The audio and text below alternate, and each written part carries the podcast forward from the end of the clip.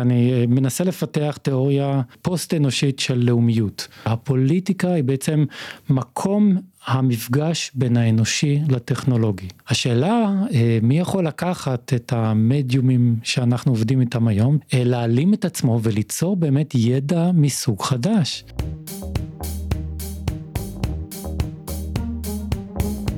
המצב הפוסט-אנושי פודקאסט על טכנולוגיה, תרבות ורוח, עם דוקטור כרמל וייסמן.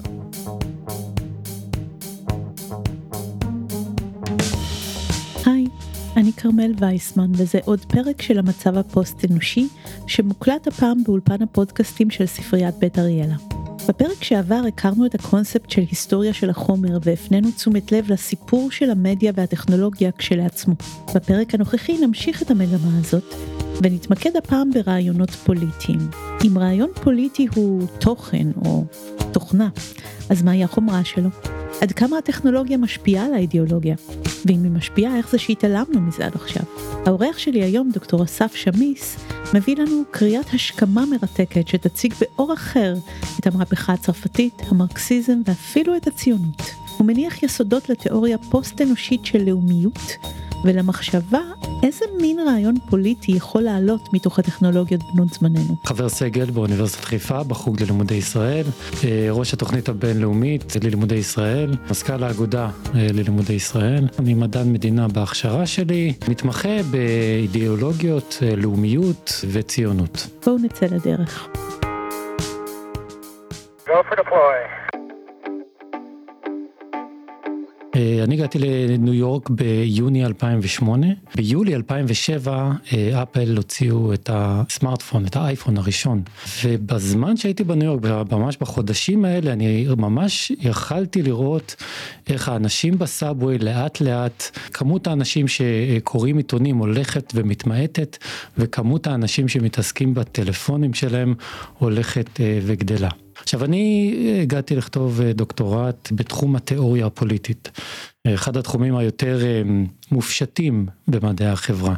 תיאורטיקנים פוליטיים עסוקים בוויכוחים בלתי נגמרים על ההגדרה של מושגים כמו שוויון וחירות ודמוקרטיה, ואני בכלל הגעתי לכתוב על אה, קרל מרקס, על מרקסיזם, זה היה החלום שלי. בבוקר הייתי הולך להרצאות של דיוויד הרווי ושל מרשל ברמן ושל סטנלי אהרונוביץ, מהתיאורטיקנים המרקסיאנים המובילים באקדמיה האמריקאית. ובערב הייתי יושב בספריית האוניברסיטה שמשקיפה אה, על האמפייר סטייט וקורא את כתבי מרקס. אה, וככל שהתקדמתי אמרתי לעצמי, איך אפשר לכתוב על זה בלי לכתוב על זה? כלומר, איך אפשר לכתוב על קפיטליזם, על uh, מעמדות חברתיים, על אמצעי ייצור, מבלי לכתוב על טכנולוגיה. ככל שעבר הזמן ההבחנה הזאת בין political knowledge, אפיסטים, לבין הטכני, כן, אם אנחנו ניקח את המונחים של ברנרד סטיגלר, וכמובן היוונים הקלאסיים, ההבחנה הזאת נראתה לי מלאכותית יותר ויותר. היום אנחנו קצת יותר מודעים לזה, אחרי 20 שנה פחות או יותר של אה, טכנולוגיה אה, שפולשת לחיינו, אבל לפני 15 שנה הממשקים האלה בין הידע הפוליטיקה לטכנולוגיה היו באמת עניין של כמה אה, יודעי דבר. מרקס נחשב בחוגים מסוימים פילוסוף הטכנולוגיה הראשון, כי כבר בכתבים שלו וכבר בצורה כל כך מוקדמת במאה ה-19 הוא מזהה את הקשר הזה בין הקפיטל לטכנולוגיה, יש לו את האמירה המפורסמת של אה, תחנת היד תיתן לכם את החברה הפאודלית ותחנת הקיטור תיתן לנו את הקפיטליסטים במפעל, זאת אומרת הוא ממש מזהה את הקשר בין האמצעים הטכניים של הייצור לבין האידיאולוגיה הכלכלית. באמת כפי שאת אומרת הטכנולוגיה אצל מרקס היא מאוד מאוד משמעותית. ובעצם עמדו לפניי שתי אה, אפשרויות. אפשרות אחת הייתה לבחון מה קרל מרקס לצורך העניין כתב על טכנולוגיה, אבל האפשרות הזאת נראתה לי אה, שטחית ופשוט לא מספיק מעניינת. האפשרות השנייה אה, הייתה לשנות את הפרדיגמה בכל הקשור לאופן שבו אנחנו בכלל ניגשים לרעיונות פוליטיים. האם ייתכן שעד היום הספרות המחקרית בכלל לא התייחסה למימד הכי חשוב ברעיונות פוליטיים, בידע פוליטי. הטקסטים עצמם, הנייר אה, עליהם הם מודפסים, הדיו שממנו מופקות האותיות, מכונת הדפוס שהדפיסה את הטקסטים, המשאיות והמטוסים שהובילו את הטקסטים. אי אפשר לנתח ענות פוליטיים מבלי להתייחס למימד החומרי שלהם. זאת אומרת, האם יכול להיות שכל הזמן בעצם הדבר הכי חשוב היה תחת האף של תיאורטיקנים פוליטיים והם פשוט לא שמו לב. בפרק שעבר עם דוקטור עידו רמתי, הצגנו למעשה את הגישה הזו להיסטוריה של החומר, שפותחה על ידי הפילוסוף פרידריך קיטלר. קיטלר היה אה, מאוד משמעותי באופן שאני ניתחתי את מרקס. אני חושב שאפשר להכניס כאן עוד שם מאוד חשוב, וזה אה, לנגדון ווינר. אה, לנגדון ווינר שואל, do artifacts have politics? מה שאני רציתי לעשות זה להפוך את השאלה ולכתוב, does politics have artifacts? התשובה שקיטלר ייתן לזה היא כמובן חיובית. השאלה הזאת בעצם פתחה לי את הפתח לבחון איך אנחנו ניגשים לידע פוליטי. אפשרה לי לחשוב על ידע פוליטי, אם תרצי אידיאולוגיות, לא כתבניות חשיבה אבסטרקטיות, אלא לחשוב על ידע פוליטי כאובייקטים טכנולוגיים שנמצאים בעולם שלנו. יש להם מופע חומרי. המופע החומרי הזה הוא מאוד מאוד חשוב כדי להבין את התוכן הפוליטי. אנחנו לא אה, אה, כאן אה, ניגרר לדטרמיניזם טכנולוגי ונאמר שהצורה כאן משפיעה על התוכן, הדברים כמובן מורכבים יותר, אבל לכל הפחות אפשר להגיד שאי אפשר להתייחס לתוכן הפוליטי מבלי להתייחס לצורה החומרית שבו הוא מובא. בואו נשמע דוגמה ראשונה. איך מצב המדיה של התקופה מאפשר בעצם את הרעיונות הפוליטיים החדשניים שנולדו במהפכה הצרפתית. הרעיונות של שוויון אזרחי, זכויות אדם אוניברסליות, אה, ריבונות העם. הרעיונות האלה, אנחנו נוהגים לחשוב עליהם ככאלה שנוצרו במוחם הקודח של המהפכנים הצרפתים, כן? במוחו הקודח של דידרו, אה, או וולטר, או רוסו, אבל אם אנחנו באמת רוצים להבין מאיפה הרעיונות האלה הגיעו, אנחנו צריכים קודם כל להבין את המדיום שדרכו הם עברו. וכדי שהרעיונות האלה יתפסו, כדי שהרעיונות האלה תהיה להם סמכות פוליטית, היה צריך להתרחש מהפכה במעמד האונתולוגי של המדיום שהעביר אותם, של הטכנולוגיה שהעביר אותם, והיא כמובן המילה הכתובה. עכשיו אם נסתכל על מוצרי דפוס בצרפת בתחילת המאה ה-18, אנחנו נמצא קבוצה אה, די קטנה של אה, אנשי עט שכותבים אה, עבור פטרונים שהם בני אצולה. הייצור וההפצה של חומרי דפוס נשלט על ידי גילדות מקצועיות ומפוקח באופן הדוק על ידי צנזורים. וולטר ודידרו ואחרים מבלים תקופות מאסר ממושכות בבסטיליה בעקבות הפרסומים שלהם. כמובן שאין שוק ספרים, אה, יש מעט מאוד אנשים שבכלל יודעים קרוא וכתוב. עכשיו בסביבה החומרית הזאת, המילה הכתובה שומרת על מעמדה כמה שאנחנו מכנים truth language, מערכת סימנים שמייצגת איזו אמת מטאפיזית, דתית, אבסולוטית כזאת או אחרת. אבל לקראת מחצית המאה ה-18 מתחיל להתרחש אה, שינוי בתרבות הדפוס באירופה כולה, אבל במיוחד בצרפת. אחוזי אה, האנשים שיודעים קרוא וכתוב לאט לאט מתחילים לטפס. אה, אנשי עט מתחילים להשתחרר מפטרונים, כיוון שמתפתח, אה, מתחיל להתפתח שוק ספרים. שוק כתבי עת ושוק עיתונים.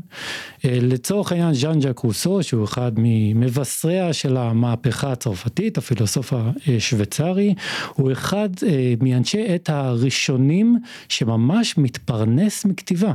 מעבר לזה הקריאה, הקריאה הופכת לאט לאט מפעילות קולקטיבית, ריטואלית, תיאולוגית, לפעילות שהיא אינטימית, אה, יחידנית ואינטלקטואלית. בעקבות השינויים האלה כמובן היכולת של הצנזורים לפקח על טקסטים הולכת ופוחתת. בעקבות כל השינויים האלה, המילה הכתובה הופכת בהדרגה מ-truth language למערכת סימנים שרירותית שבכוח שלה לייצג ידע בלתי תלוי על המציאות החומרית. המהפכה הצרפתית למעשה מתחילה לא ב-1789, היא מתחילה למעשה ב-1751 עם פרסום הכרך הראשון של האנציקלופדיה.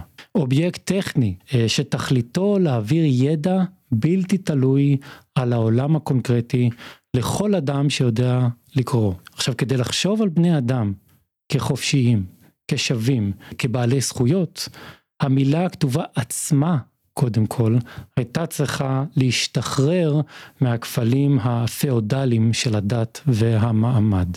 היא הייתה צריכה להפוך למדיום פופולרי, שבו אה, מסה קריטית של אנשים צורכים ידע בלתי תלוי על המציאות הקונקרטית ללא קשר למעמד החברתי שלהם.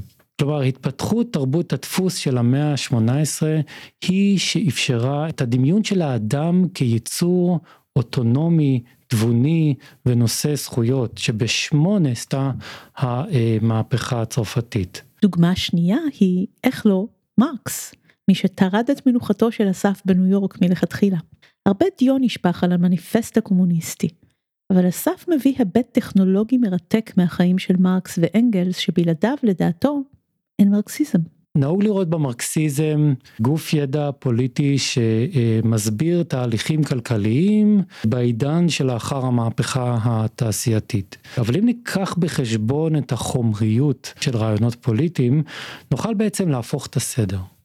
נוכל לומר שהמרקסיזם הוא בעצמו תוצר של המהפכה התעשייתית.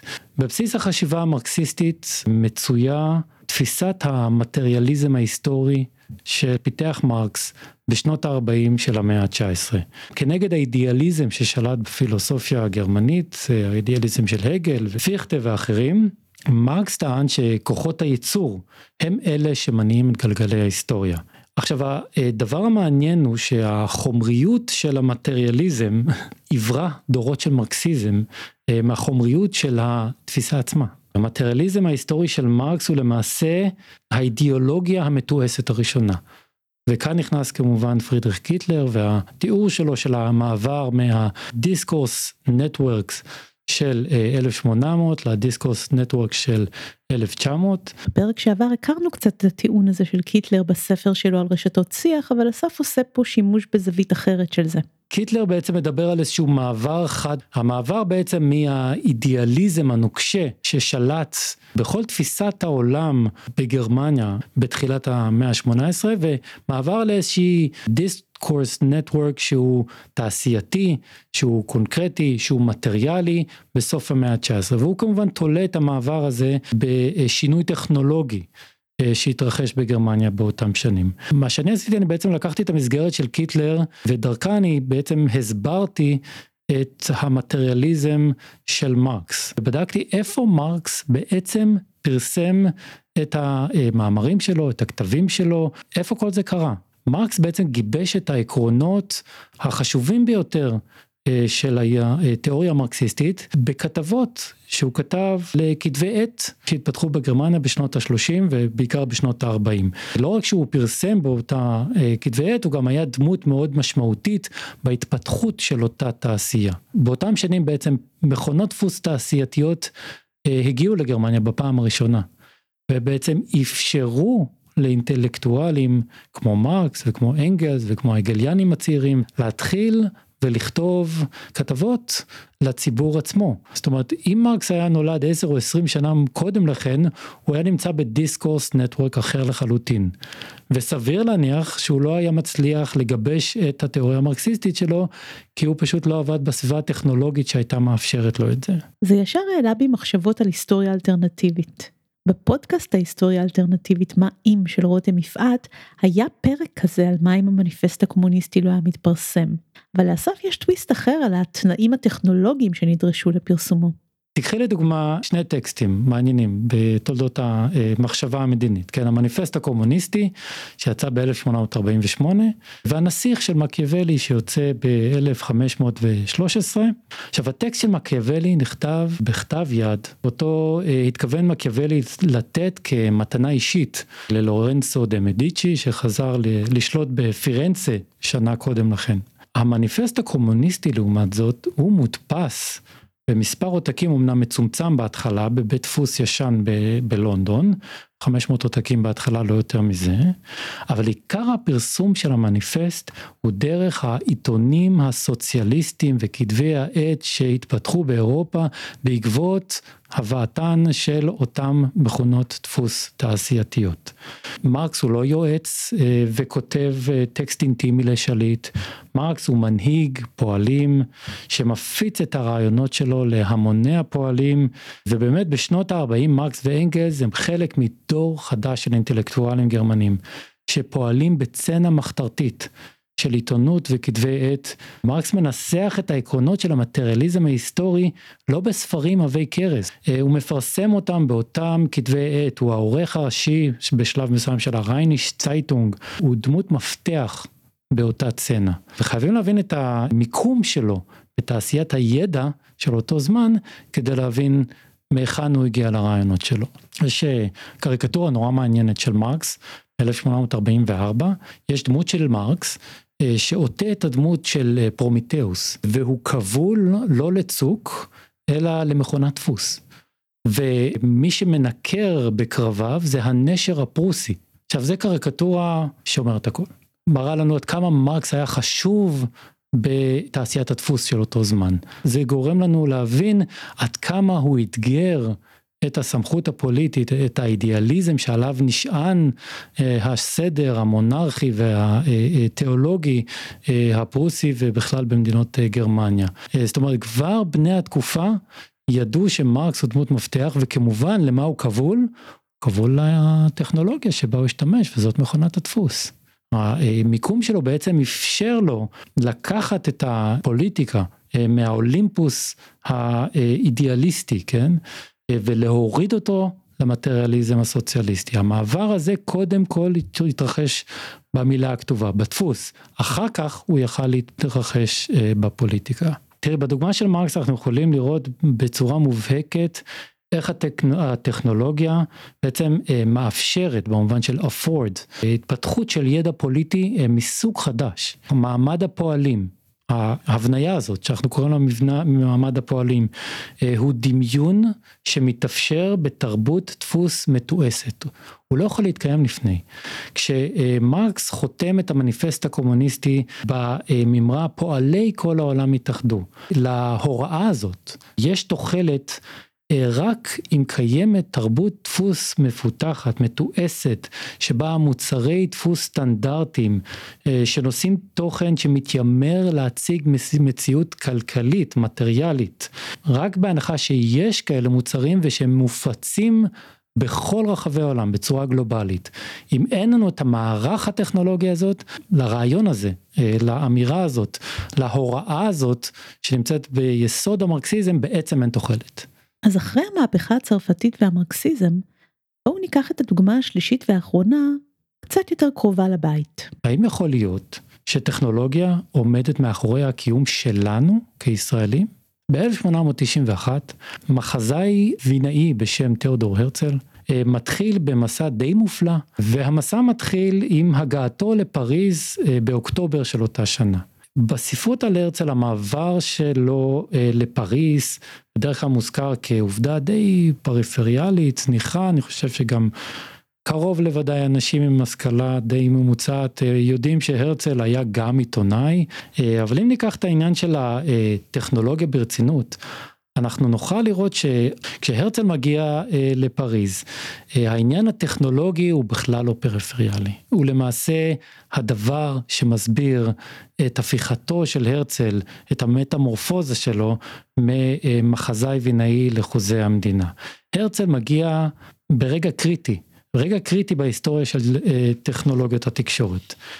הרצל מתמנה לשליח של העיתון הווינאי הנויה פריי פרסה, ממש עם תחילת טור הזהב של עיתונות ההמונים במערב אירופה.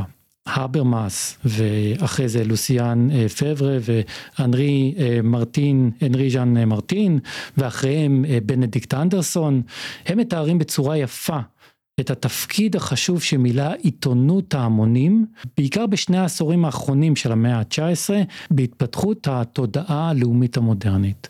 קהילות המדומיינות של אנדרסון מדבר באריכות על החשיבות של העיתון ושל העיתונות בגיבוש התפיסות הלאומיות המודרניות.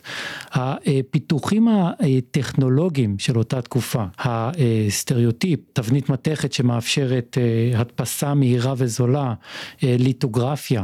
כן, האפשרות אה, להעביר תמונות ממשטח בד לנייר, טכנולוגיות של ייצור הנייר שמאפשרות ייצור של נייר זול ובכמויות גבוהות, הטלגרף שזה בעצם אמצעי התקשורת הראשון שמאפשר להעביר אה, אינפורמציה ללא אובייקט פיזי, כל אלה מאפשרים את ההתפתחות של עיתונים יומיים הנקראים על ידי המונים, מפות זולות שמופצות בהמוני עותקים, ספרים בשפות לאומיות. זאת אומרת, כל הדברים האלה הם בעצם האמצעים דרכם אנחנו מגדירים את עצמנו כחלק מאומה. מדינה כמו ישראל שהגבולות שלה לא ברורים, היא גם מביאה לכך שהזהות הלאומית שלנו לא לגמרי ברורה. אה, אותו דבר עם טקסטים שמודפסים בשפת המקור, כן, שמאפשרים לאנשים, למערכות חינוך, לחנך דורות של ילדים בשפה אה, מקומית, וכמובן עיתונים יומיים. אז כשהרצל מתמנה לשליח הנועה פראי פרסה בפריז, לא מדובר באיזה עובדה היסטורית זניחה. נועה פראי פרסה הוא לא איזה עיתון זניח. הוא העיתון הנחשב ביותר בקרב האליטות הליברליות בעולם הדובר הגרמנית. פריז היא לא סתם עוד עיר, היא באותה תקופה הבירה והמרכז של הפוליטיקה האירופית. הרצל למעשה תופס עמדת מפתח בתעשיית ייצור הידע האירופית של אותה תקופה. הציונות המדינית שלו היא פועל יוצא של המיקום המאוד ספציפי שהרצל נמצא בה באותה תעשייה. ביומנים של הרצל הוא אה, מתאר כיצד שגרת העבודה שלו כעיתונאי בכיר אה, שמדווח על הנעשה בפוליטיקה הצרפתית, היא מובילה אותו לבחון מחדש את הזהות היהודית שלו. אה, הוא מתאר כיצד לאט לאט הוא לומד לראות ביהדות שלו עניין אה, שהוא לא פרסונלי, דתי או תרבותי, אלא קודם כל עניין פוליטי אה, ולאומי. יהודיות הופכת אצל הרצל להיות מזוהה עם לאומיות, ובסופו של דבר גם עם ציונות, הודות למיקום הספציפי שהרצל היה בו בתעשיית הידע של זמנו. אם תסתכלי על כל החלקים של התוכנית הציונית הראשונית של הרצל, כולם בעצם לקוחים מנושאים שאותם הוא כיסה. במסגרת העבודה העיתונאית שלו. תוכנית צעד העבודה, הצ'רטר, הסכר, רעיון ההגירה היהודית, כל אלה נושאים שנדונו באספה הלאומית הצרפתית, והרצל יושב ביציע העיתונות, מסתכל על חברי האספה הלאומית, איך הם מתנהלים, איך הם מדברים זה על זה, ולאט לאט מתחיל לאמץ ולסגל דפוס חשיבה פוליטי. אולי אפילו מעניין יותר אם נסתכל על ההיסטוריה של הפרסום של הטקסט ההרצליאני הקנוני, כן, מדינת היהודים. הרצל אה, מסיים לכתוב את הטקסט ב-25 בדצמבר 1895. הטקסט עצמו הוא בעצם עיבוד של נאום שהוא הכין לשאת בפני ההתכנסות של משפחת רוטשילד, נאום שהוא אף פעם אה, בסוף לא הצליח אה, לתת, כי הוא לא התקבל על ידי הרוטשילדים. הוא מחליט לאבד את הטקסט ולהפוך אותו למשהו שהוא יוכל להדפיס. עכשיו חודש לאחר מכן, לאחר שהוא מסיים אה, לכתוב את הטקסט, הוא חותם על חוזה הפצה עם חנות ספרים קטנה, שהיא גם הוצאת ספרים קטנה במרכז וינה. מוציא שלושת אלפים עותקים של החוברת הקטנה מדינת היהודים, שזה חוברת של פחות משלושים עמודים. המוציא לאור כבר מביע חשש שלצערו הוא חושב שהוא לא יוכל לכסות את העלות של הדפסת העותקים. והרצל אומר אני אכסה מה שצריך ואני גם מוותר על תמלוגים. כל שלושת העותקים אכן לא נמכרו. האם הרצל, הגאון השיווקי, האיש שהביא לעולם את התנועה הציונית, ששם אותנו על המפה, האם הוא תכנן לפרוץ לדעת הקהל העולמית באמצעות חוברת קצרה שהוא פרסם בשלושת אלפים עותקים בחנות קטנה במרכז וינה, בגרמנית? התשובה היא כמובן לא. הרצל היה הרבה יותר מתוחכם מזה. שבועיים לפני שהחוברת יורדת לדפוס, וחודש לפני שהיא יוצאת לאור, כבר מופיעות כתבות נרחבות על הפתרון של דוקטור הרצל בעיתונות האירופית. התוכנית הציונית של הרצל הופכת להיות שיחת היום בקרב הקהילות היהודיות וגם בקרב בעלי עניין מחוץ לעולם היהודי, לא בגלל שמישהו קרא את מדינת היהודים. היא הכתה גלים משום שהרצל ניצל את המעמד שלו בתעשיית הידע של זמנו כעיתונאי בכיר כדי להפיץ את התוכנית שלו. הרצל דואג לשלוח עותקים לעיתונאים ומנהיגי דעת קהל ופוליטיקאים בוחרים בכל רחבי אירופה. עשרה ימים לפני שהחוברת בכלל יוצאת לאור, התוכנית הציונית של הרצל כבר נמצאת בשיח הציבורי, הפרסום הראשון דרך אגב היה של ה-Jewish Chronicle באנגלית, שכלל גם אה, רעיון עם אה, הרצל. כלומר התוכנית הציונית של הרצל יצרה לעצמה מקום בעולם לא דרך הספרון הקטן וחסר התפוצה, אלא דרך העיתונות האירופית. תראה, אני חושב שהמקרה של הרצל אה, מאפשר לנו להסתכל אה, בעצם מקרוב על היחסים המורכבים שבין אידיאולוגיה לטכנולוגיה שהם רלוונטיים מאוד לעולמנו היום. מצד אחד הרצל משמש כסוכן של תודעה לאומית שהתאפשרה הודות לתעשיית הידע. אם ניקח את הרצל ונכניס אותו לתבנית נניח של בנדיקט אנדרסון אז הרצל הוא עוד הוגה לאומי שמעצב תודעה לאומית באמצעים הטכנולוגיים הפרינט קולצ'ר שעמדה אה, לרשותו. אבל מצד שני המקרה של הרצל גם מראה לנו שהרצל הוא לא רק סוכן פסיבי, הרצל משתמש במעמד שלו בתעשיית הידע כדי ליצור ולקדם ולהפיץ את תפיסת העולם הפוליטית שלו וליצור ובמובן הזה יש כאן איזושהי דיאלקטיקה שמתרחשת בין הטכנולוגיה לבין ההוגה כישות ביולוגית ואני חושב שבמקרה של הרצל הדו כיווניות היא נורא ברורה זאת אומרת זה נורא ברור שהוא לא רק שימש כסוכן של הטכנולוגיה. הציונות המדינית זה ה-claim to fame של הרצל. הציונות המדינית אומרת שהפתרון לשאלת היהודים יגיע דרך הסכם דיפלומטי עם המעצמות על הקמת ישות יהודית ריבונית. זאת אומרת אם שאלת היהודים עד הרצל אה, התייחסו אליה כשאלה שהיא קצת אה, פילוסופית וקצת דתית ואולי גם קצת גזעית במונחים האלה, הרצל בא ואומר לא, הכל זה פוליטיקה והפתרון צריך להיות פוליטי. אנחנו צריכים להגיע להסכם פוליטי כדי ליצור ישות יהודית ריבונית. עכשיו, למי היה את היכולת לשאת ולתת עם מנהיגי אירופה בשם העם היהודי באותה תקופה. מעט מאוד יהודים.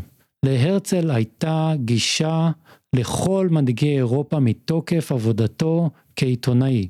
כשהרצל מתחיל בקמפיין הציוני שלו, הוא פונה אה, לכל אותם מנהיגים האירופאים, כן, לקיסר הגרמני, לסולטן הטורקי, לשר המושבות הבריטי, הוא לא פונה אליהם אה, בתור מנהיג התנועה הציונית, הרי התנועה הזאת לא הייתה קיימת, הוא היה מנהיג של תנועה שבעצם לא קיימת, הוא פונה אליהם בתור הכתב ולאחר מכן העורך הספרותי של הנויה פריה פרסה.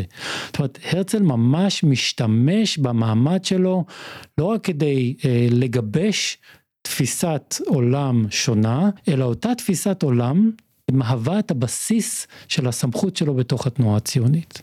אה, באמת יש כאן אה, יחסים הדדיים ודו-כיווניים בין הטכנולוגיה לבין הוגים פוליטיים. לרעיון פוליטי יש חומרה. כן, בדיוק. מחשבה פוליטית היא קודם כל חומרה וגם אפלטון זאת אומרת לא במקרה אפלטון כותב את הפוליטאה כמה עשרות שנים לאחר שהיוונים אה, מאמצים את האלף בית הפיניקי. סוקרטס אה, הוא בעצם הפילוסוף האחרון שמדבר. סוקרטס עצמו לא כותב, הוא רק מופיע כדמות מדברת בדיאלוגים האפלטונים. אפלטון הוא כבר כותב, יש כאן הבדל טכנולוגי. הדוגמה של הרצל זה משהו חדש שאסף מפתח עכשיו, אבל הדוגמאות של רוסו ומרקס הופיעו בספר שאסף כתב ב-2018 בשם סביבת המדיה של המחשבה הפוליטית. בפרק האחרון של אותו הספר, אסף ניסה לקפוץ על בסיס זה לימינו, ולחשוב איזה מין רעיון פוליטי יכולה להוליד סביבת המדיה הנוכחית. הוא קרא לזה פוליטיקת הסלפי, אבל היום הוא כבר לא ממש עומד מאחורי מה שהוא כתב שם. הרעיון בגדול היה אה, זה שעם עלייתן של רשתות החבר... החברתיות, האסינכרוניות שלהם, המוביליות שלהם, העובדה שהן כמובן אה, מבוזרות, כל אלה יוצאים איזשהו אה, היפוך. באופן שבו אנחנו מתייחסים לפוליטיקה. כי אם פעם בתקופת תקשורת ההמונים החד כיוונית והלא מבוזרת, בתקופה הזאת אנשים ראו את עצמם כחלק מאיזשהו קולקטיב פוליטי, היום בעצם התמונה התהפכה ואנשים רואים את עצמם במרכז והקולקטיב הפוליטי הוא בעצם אה, נמצא בתוכם. יש כאן היפוך בין הקולקטיב לאינדיבידואל. personalization of politics, וזה כמובן משנה את הדמוקרטיה שלנו, אה, משנה את איך שאנחנו חושבים על פוליטיקה, זה משנה הכל. ולמה לדעתך לא צדקת? זאת אומרת, יש משהו בפרסונליזציה, משהו מזה כן קורה, קרה, לא? משהו מזה קרה, וקודם כל זה נראה לי פשטני. אני חושב שה... הקונסטלציה הטכנולוגית ובעיקר התקשורתית שהיום אנחנו אה, פועלים בה היא יותר מורכבת מזה. זאת אומרת זה לא רק שאנחנו ניזונים מאותם אמצעים אה, דיגיטליים שמשדרים לנו איזושהי מציאות פוליטית מהופכת. אנחנו בה בעת גם ממשיכים להיות אזרחים שמצביעים בבחירות, צופים בערוץ 12 וגם ברשתות החברתיות אנחנו עדיין רואים שהרבה מאוד מהדפוסים אה, של התקשורת ההמונית עדיין עוברים וממשיכים להיות להיות גם אה, בטכנולוגיות הדיגיטליות. בוא נגיד שיש לנו היום איזה הרצל או מרקס בהתהוות. איפה האדם הזה צריך להיות ממוקם היום? הוא לא בהכרח עיתונאי או עיתונאית היום. מה הם? הם משפיעני רשת? איפה ממוקמים התיאורטיקנים הפוליטיים ביחס למדיה היום אם כבר? אני חושב שזו שאלה מצוינת. אה, אני חושב שיש יסוד לחשוב שאלה שבאמת מבינים אה, פוליטיקה כמו שהיא היום, קודם כל חייבת להיות להם באמת אה, נוכחות באותן טכנולוגיות חדשות, או לפחות הבנה של כיצד אותן טכנולוגיות חדשות משנות ידע פוליטי. אני חושב שהשאלה היא פחות פרסונלית אלא יותר אפיסטמית. זאת אומרת איפה נמצא הידע הפוליטי החדש, איזה טכנולוגיה תייצר איזה סוג של ידע שהוא זה שבסופו של דבר יהפוך להיות התשתית של הקולקטיב הפוליטי שאנחנו חלק ממנו. בואו ניקח את הדוגמה הטובה מאוד של ז'אן ז'אק רוסו שאני חושב שהוא חלוץ גם מבחינת האופן שבו הוא השתמש במדיה וגם ברעיונות הפוליטיים שלו. ז'אן ז'אק רוסו עשה את שמו בזה שהוא אה, פרסם רומן מכתבים בשם ז'ולי במחצית המאה ה-17.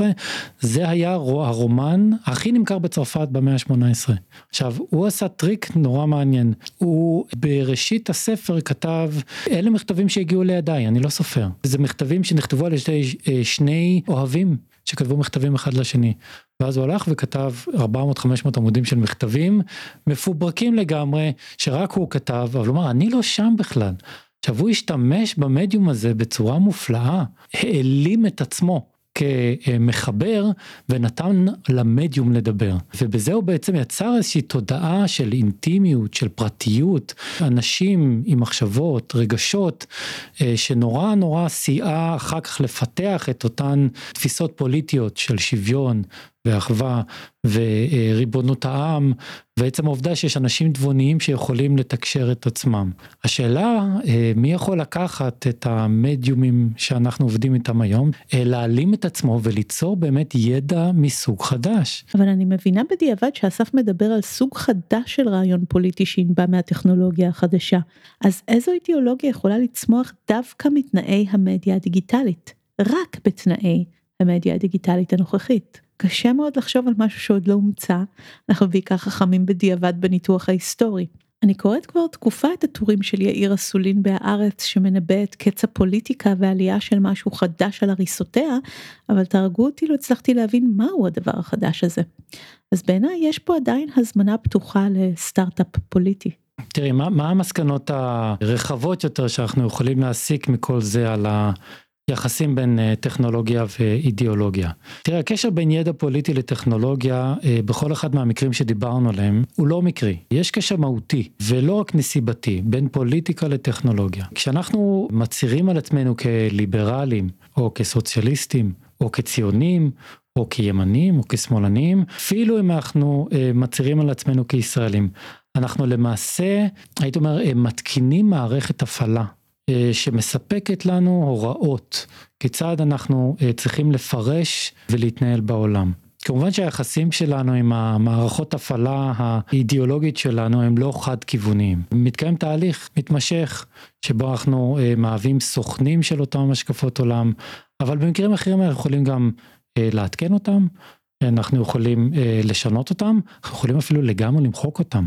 אה, שילה ג'זנוף משתמשת במונח אה, co-projection כדי אה, לתאר את הדינמיקה הדו-כיוונית. המונח הזה הוא תיאור קולע ליחסים שלנו עם גופי ידע פוליטיים. זאת אומרת אנחנו אה, מאמצים איזשהם תוכנות הפעלה וברגע שאנחנו מאמצים תוכנות הפעלה אנחנו יכולים לעשות אותם כל מיני דברים מעניינים. כך עשו המהפכנים הצרפתים, כך עשה מרקס, וכך עשה הרצל. אם נאמץ את ההשקפה הזאת, אה, נוכל לומר שאנחנו כאזרחים במדינה, כחיילים בצבא, כמצביעים בבחירות, אה, אנחנו פועלים בעצם כסוג של סייבורגים, כיצורים היברידים, שמנהלים את הקיום הביולוגי שלהם בהתאם לאיזשהם תפיסות מציאות תלויות טכנולוגיה. אני חושב שבהקשר הזה, אני חושב שדווקא הגישה של ברנרד סטיגלר היא אה, מאוד מועילה. סטיגלר בעצם מציע לנו לראות בזהות אנושית את המעטפת ואת הטכנט, היכולת הייחודית של בני אדם לחרות, לחקוק, לרשום את הזיכרון שלהם על פני אובייקטים מלאכותיים, לא אנושיים, טכנולוגיים, כמה שמייחד את בני אדם משאר צורות החיים. אה, ההיסטוריה האנושית על פי סטיגלר היא ההיסטוריה של ההחצנה של הזיכרון האנושי ל-technical objects, לארטיפקטים אה, טכנולוגיים. האם אי פעם ראית מדינה כרמל? האם אי פעם מישהו ראה מדינה? מדינות קרוצות ממפות, מדרכונים, מספרי היסטוריה, מתמונות, ממחסומים צבאיים, ממדים, מחשבונות טוויטר ממשלתיים ואתרי אינטרנט. כלומר, מדינות קרוצות מאובייקטים טכנולוגיים, דרכם בני אדם מאחסנים ומפיצים את הזיכרון שלהם. עכשיו, סטיגר לא ממש דיבר על פוליטיקה באופן ספציפי, אבל הגישה שלו עוזרת לנו להסיק שבהינתן שהידע הפוליטי הוא תלוי הקשר טכנולוגי. ולנוכח העובדה שהאדם הוא חיה פוליטית, כפי שטען אריסטו, כן, זון פוליטיקון, נוכל לומר שהפוליטיקה היא בעצם מקום המפגש בין האנושי לטכנולוגי. זאת אומרת, ידע פוליטי הוא אה, נקודת הממשק בין האדם למכונה. הפוליטיקה היא בעצם תולדה של היכולת האנושית לייצא את הזיכרון האישי למושאים חיצוניים, ולייצר איזושהי יציבות אה, טמפורלית. יציבות הטמפורלית בימינו אפשר אה, לקרוא לה אה, מדינה. הרי מה בעצם הרצל עשה? הרצל לקח את ההיסטוריה של העם היהודי, את החמשת אלפים שנה, ואיבד אותה מחדש באמצעות האובייקטים הטכנולוגיים שעמדו לרשותו. מכונת הדפוס, הטלגרף וכו'. התוצאה הייתה prototype של יהודי חדש, אם נשתמש בדימוי של אניטה שפירא. כלומר, אנחנו כישראלים בתחילת המאה ה-21, אנחנו סייבורגים הרצליאנים. אנחנו יצורים היברידים שמשלבים גוף ביולוגי כמו שלי ושלך ברובו, יחד עם מערכת הפעלה הרצליאנית. אני אה, מנסה לפתח תיאוריה פוסט אנושית של לאומיות. אם תסתכלי על כל מה שאנחנו יודעים מבחינה תיאורטית על לאומיות, חוקרי הלאומיות הגדולים, אה, הופסבאום, אנדרסון, גלנר, כל אלה כתבו באמצע שנות ה-80, תחילת שנות ה-90. היו להם הנחות יסוד מאוד uh, נוקשות לגבי התפקיד של טכנולוגיה, כי מה אז הם ידעו על טכנולוגיה ומה אז אה, לפני המפץ הגדול אה, של האינטרנט וכו' וכו'. ומה שאני רוצה לעשות זה לקחת את התיאוריה של הלאומיות ולעדכן אותה. אני רוצה להציע תיאוריה חדשה של לאומיות.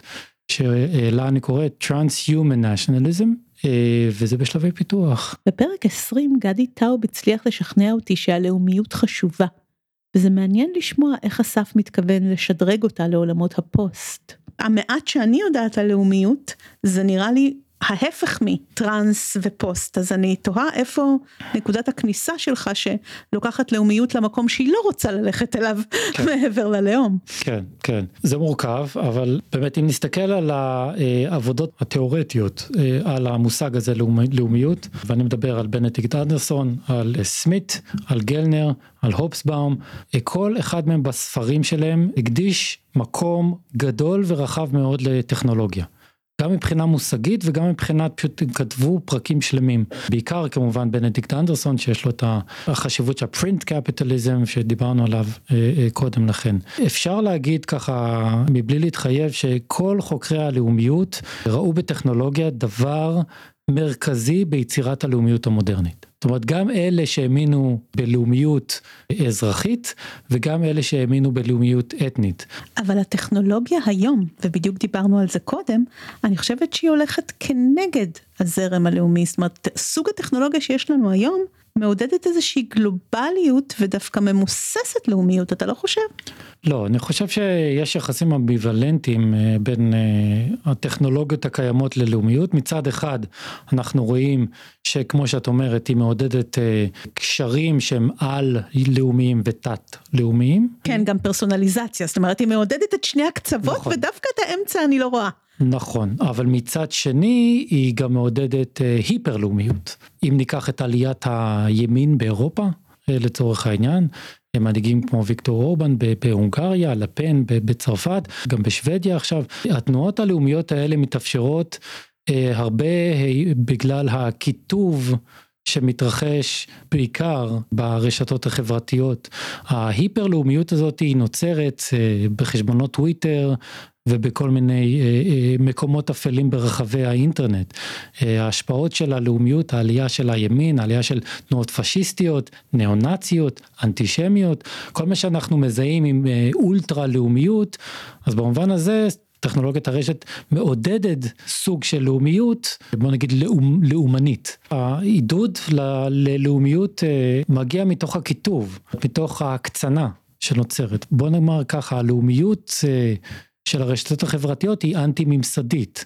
במובן הזה אולי היא לא נתפסת כלאומית, אה, אבל היא לגמרי לאומנית, זאת אומרת היא בשם האומה, בשם היחידה הלאומית.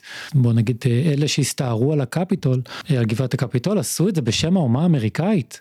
זה שהיחידה הלאומית לא מזוהה עם המדינה, המחשבה היא שהאומה האמריקאית היא נחטפה, הייג'קט. על ידי אה, אה, קבוצה של ליברלים, אה, אוניברסליסטים, גלובל, גלובליזיסטים וכו' וכו'. זאת אומרת הם מונעים לפעולה פוליטית קיצונית בשם האומה. מצייצים ומובילי דעת קהל אינטרנטיים שמדברים בשם האומה. בפרק הזה המשכנו לחשוב דרך הטכנולוגיה ותנאי המדיה, הפעם יותר על רעיונות פוליטיים, ובעצם פתחנו שאלה גדולה למחשבה, שאותה אסף חוקר עכשיו, אז עוד אין לנו תשובות. לאומיות כאידיאולוגיה לא ממש תואמת את העידן הדיגיטלי, לכאורה. אבל יכול להיות שזה אנחנו שעוד לא הבנו עד הסוף מהם המאפיינים האמיתיים של הדבר הזה. אולי זו טעות לחשוב בכלל על אושיות שיודעות להתבלט במדיה הזאת וצריך לחשוב על מעצבי הטכנולוגיה, על אנשים כמו מאסק וצוקרברג בתור הוגי הרעיון הפוליטי הבא שאולי ינבע ישירות מהארכיטקטורה של הפלטפורמות. או אולי המטרה של כל הרשתות האלה היא רק להיות חממת דאטה אימון לבינות מלאכותיות, והן אלו שישכילו להמציא אידיאולוגיה ואולי גם למשול באמצעות הרעיון הפוליטי הבא. אני חושב שמה שמפחיד הוא אה, לא של טכנולוגיות או בינה מלאכותית או רובוטים בשלב כזה או אחר השתלטו אלינו, אני חושב שמה שמפחיד הוא המחשבה שאנחנו בעצמנו סייבורגים מלכתחילה. אנחנו כיצורים פוליטיים כבר אה, מצב היברידי בשילוב של בן אדם אה, למכונה. עד כאן להפעם. בפרק הבא נסיים את סדרת הפרקים במאמר מוסגר הזו עם גישה לחומר מזווית אנתרופולוגית הפעם. תודה לכל מי שנתנו לפודקאסט חמישה כוכבים בספוטיפיי ואפל פודקאסט. תקדישו שנייה לעשות את זה, זה מאוד עוזר לאלגוריתם ואנחנו הרי רוצים ורוצות לעזור לו, לעזור לנו, כן? אז שנה טובה, חגים שמחים ונשתמע בפרק הבא אי שם בסוכות או אחרי החגים, אני אעדכן בסושיאל.